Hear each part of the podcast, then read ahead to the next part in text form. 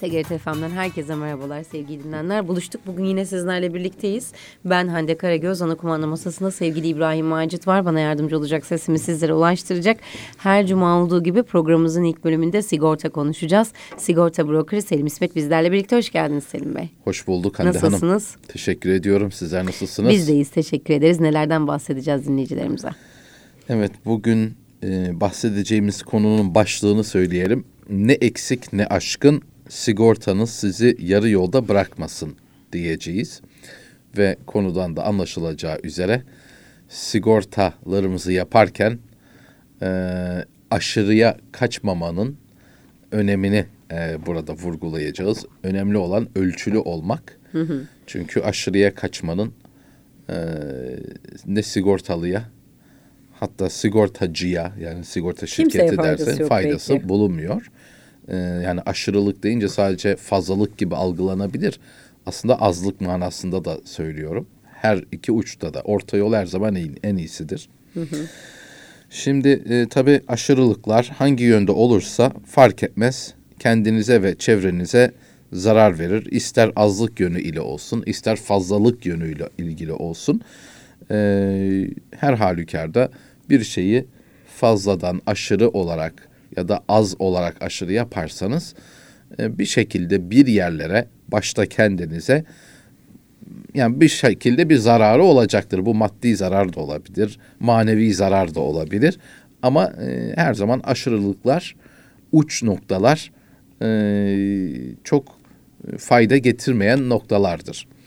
Şimdi teminat aldığımız varlıklarımızı da sigortalarken eksik ya da fazla bedellerle sigortaladığımızda e, aynı bunların neticelerine eğer eksik ya da fazla anlamda e, aşırılık varsa o zaman yine e, sigorta noktasında da bizlere bir takım zararları olmakta. Tabii ki maddi zararlarından bahsediyorum burada. E, her işte olduğu gibi sigortalarımızı da ayarında olması gerektiği ölçülerde e, baz alıp yapmazsak e, bu bizlere maddi olarak katlanmamamız gereken normal şartlarda maliyetlere e, bedellerle karşılaşmamızı e, sağlayacak durumlar. E, şimdi sigortanızın bedelini olması gerektiğinden fazla bir bedel ile sigortalasanız buna biz sigortacılıkta aşkın sigorta diyoruz ki bu durumda aslında siz boşu boşuna fazladan ödeme yapmışsınızdır. Ama bunun yanı sıra fazladan ödeme yaptınız ama sanırsınız ki ben işte daha fazla faydalar elde edeceğim. Hayır öyle değil. Tamamen boşu boşuna fazladan ödeme yapmış olursunuz ve sandığınızı, beklediğinizi o fazladan olan e, kapsamları, içerikleri e, elde edemeyeceğinizi bilmenizde fayda var. Şöyle bir örnekle bunu e, vermekte e, fayda olacak. Zira anlaşılması noktasında önem arz ediyor. Şimdi tabii en fazla ne bileyim aklıma gelen örnek olarak verebileceğim bina bedeli olabilir. Çünkü e, işte evlerimiz açısından olsun, iş yerlerimiz açısından olsun eğer e, bu yerlere, bu yere sahip isek ve bu e, elimizden gitmesi veya zarar görmesi riskine karşılık biz bu sahip olduğumuz mülkümüzü sigortalamak istiyorsak o zaman ne yapıyoruz? İşte evse bu konu sigortası, bir iş yeri, fabrikaysa e, işte yangın sigortası da denir, iş yeri sigortası da denir. E, ne yaparız? Mülkünü sahip olduğumuz mülkün de teminatta olmasını sağlarız ki bu da bina başlığı altında yer alır. Ve tabii ki genelde ister istemez e, insanlar ne olarak düşünürler? Bu evini örneğinden ilerleyelim. Yani hı hı. örneğimizi e, ev olarak verelim. E, şimdi bakıyor ben bu eve işte e, bin bir zorlukla işte belki e, banka e, desteğiyle imkanlarıyla satın alabildi ve e, bunu alabilmesi için katlanması gereken maliyet toplamda 1 milyon TL'ydi. Hani banka kanalıyla almışsa belki 500 bin liraydı ama evin kendisi yani satıcıya 500 bin ödendi. Ama toplamda alıcının cebinden çıkan rakam 1 milyon TL olabiliyor malumunuz. Ee, banka üzerinden alındığı zaman tabii ki e, borç bir para almış oluyorsunuz aslında. Dolayısıyla o borç parayı geri öderken de fazlasıyla geri ödemek durumunda oluyorsunuz. Yani banka buradan bir kar etmek e, sahikiyle hareket ediyor ki size bu borç parayı veriyor zaten. Hı hı. Velhasılı size maliyeti 1 milyon TL. E, maliyeti 1 milyon. E, baktığınız zaman ev bugün satacak olsam e, ya da elden gitti aynı ev safta, bu mekanda, bu muhitte, bu metrekarede, bu katlarda, bu yaştaki bir binadan ev alacak olsam kaça alırım? 2 milyon TL.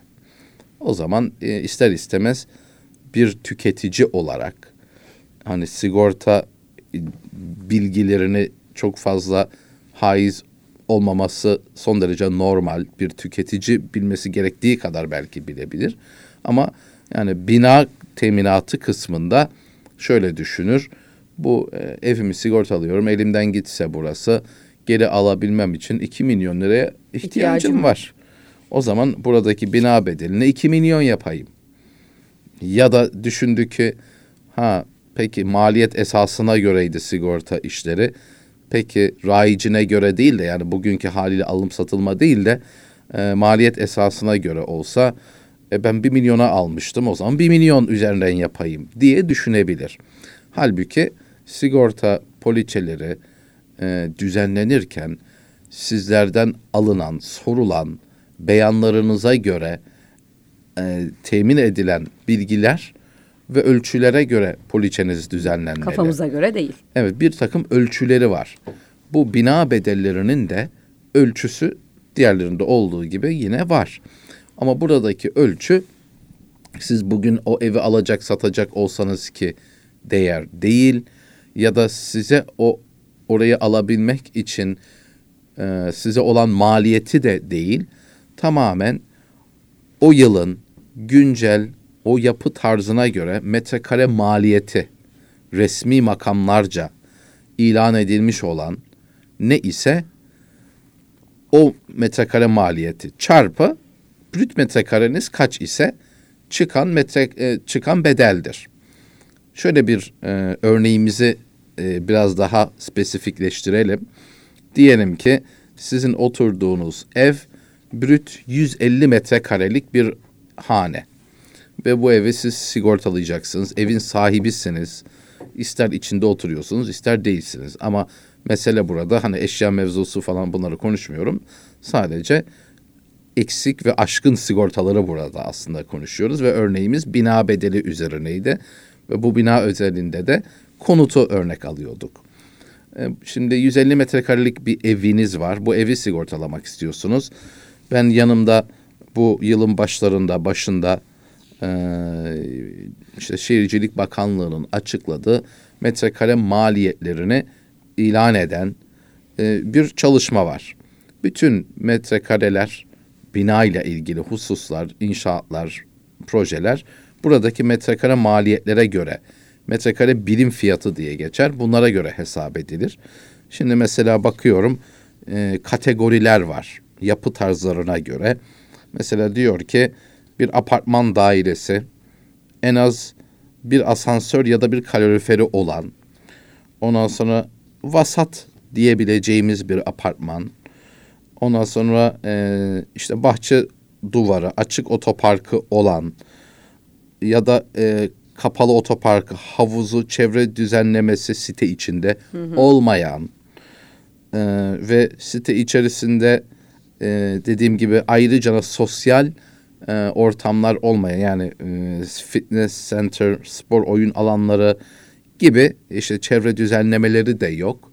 Yani bir tane standart bir apartman düşününüz. Asansörü var. Kalorifer sistemi var ya da yok.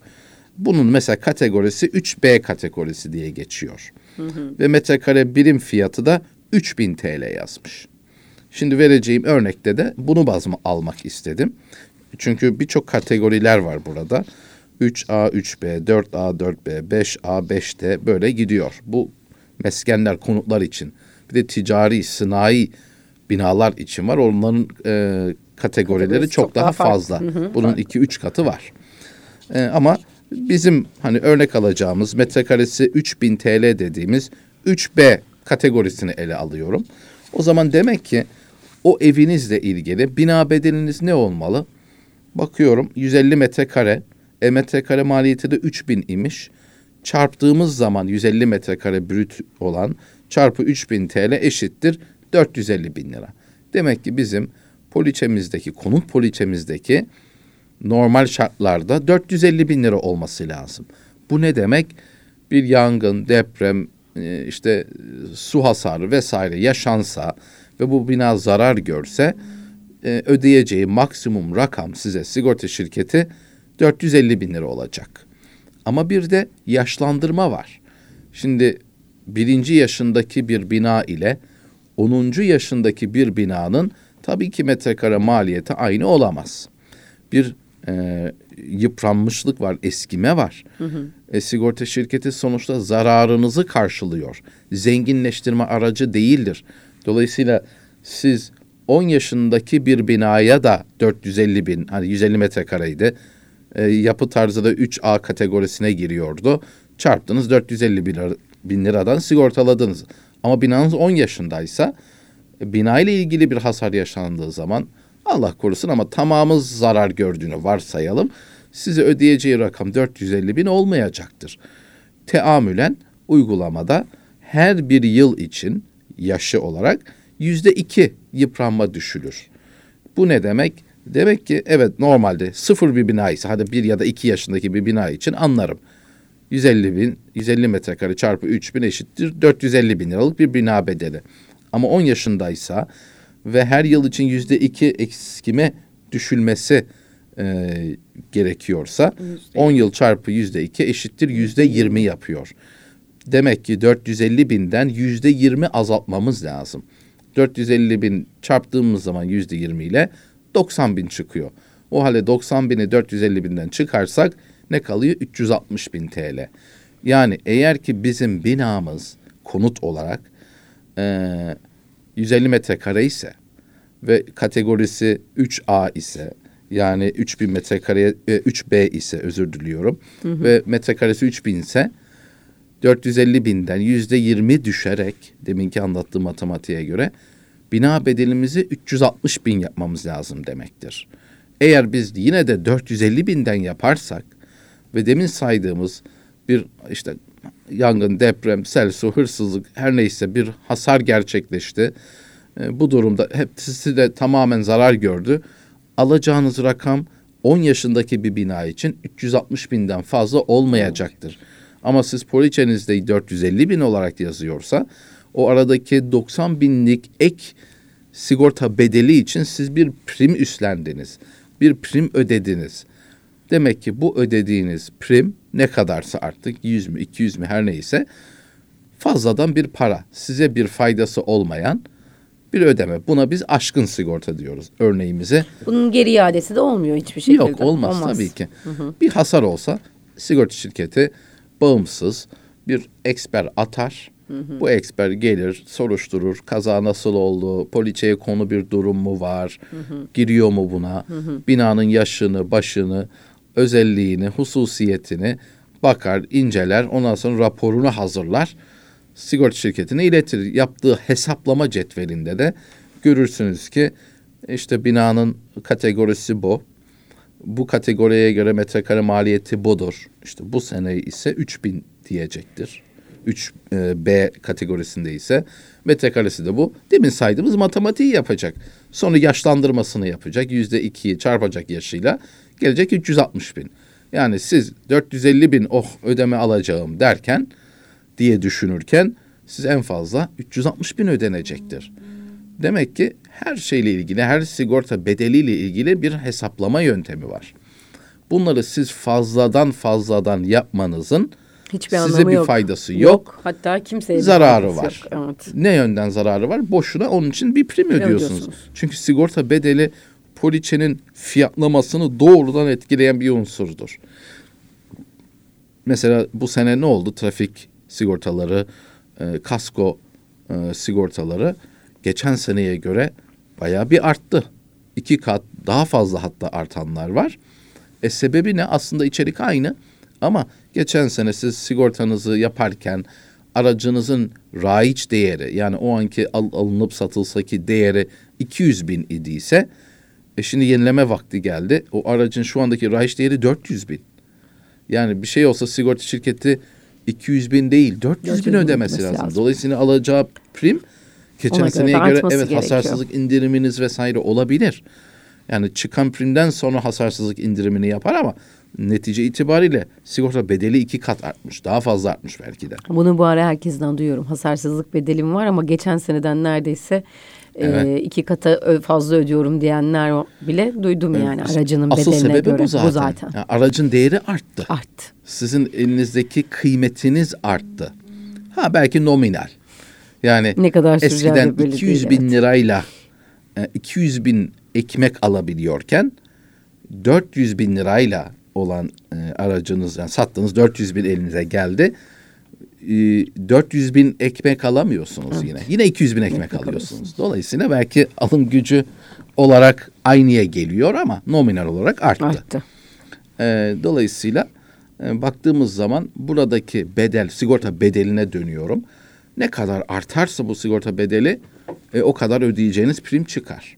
Şimdi bu aşkın sigorta, aşkın yani fazladan olmasının gerçeğinden veya olması gereken ölçüye göre olması gereken miktardan daha fazla olmasının size bir faydası yok.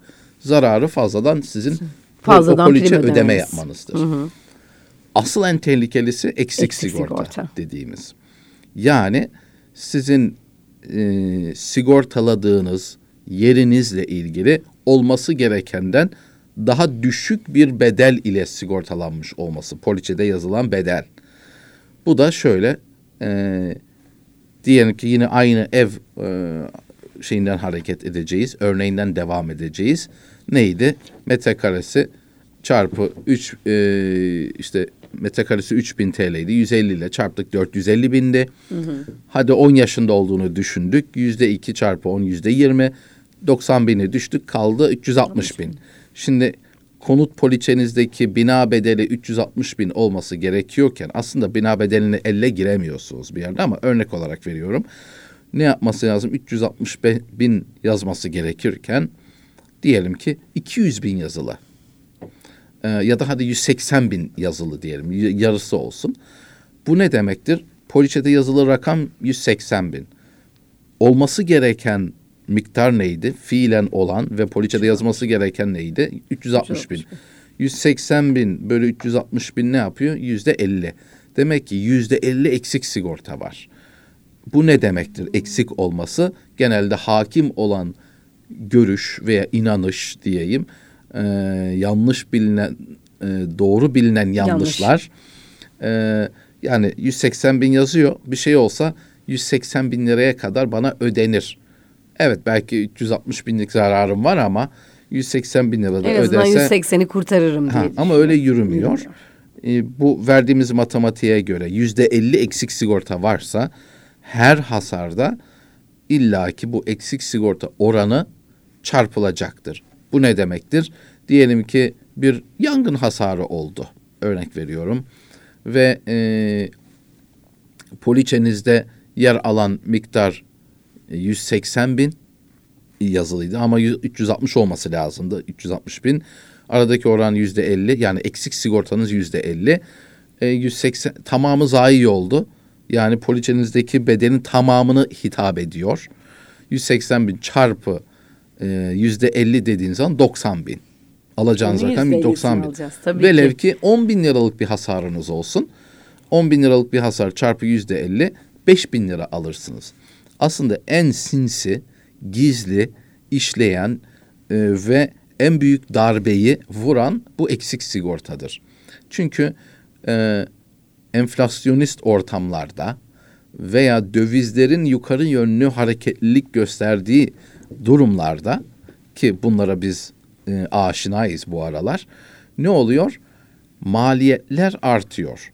Siz e, bir makine bu eksik sigorta durumu veya aşkın sigorta durumu sadece hani örneği ben konut binası üzerinden veriyorum.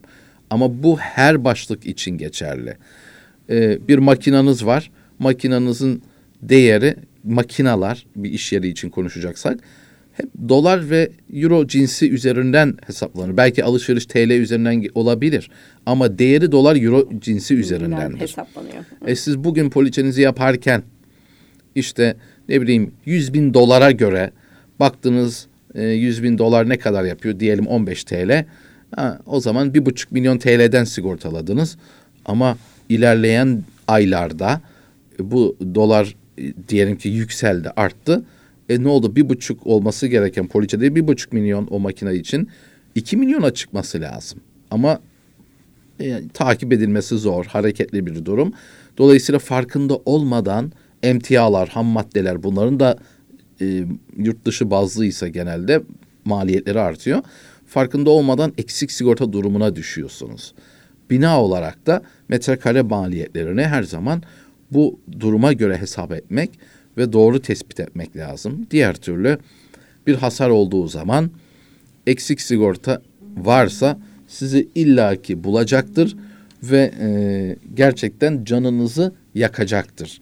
Siz 50 bin, 10 bin, 100 bin beklerken o eksik sigorta oranı ne kadarsa o kadar eksik olarak elinize geçecektir ve gerçekten tabii ciddi bir mağduriyet söz konusu olabilir. E, kızgınlıklar, müşteri memnuniyetsizliği her neyse ama sonuçta sigortalının canı yanar. O halde bu konuda e, bilhassa eksik sigortada çünkü aşkın sigortada fazladan prim veriyorsunuz. Okey.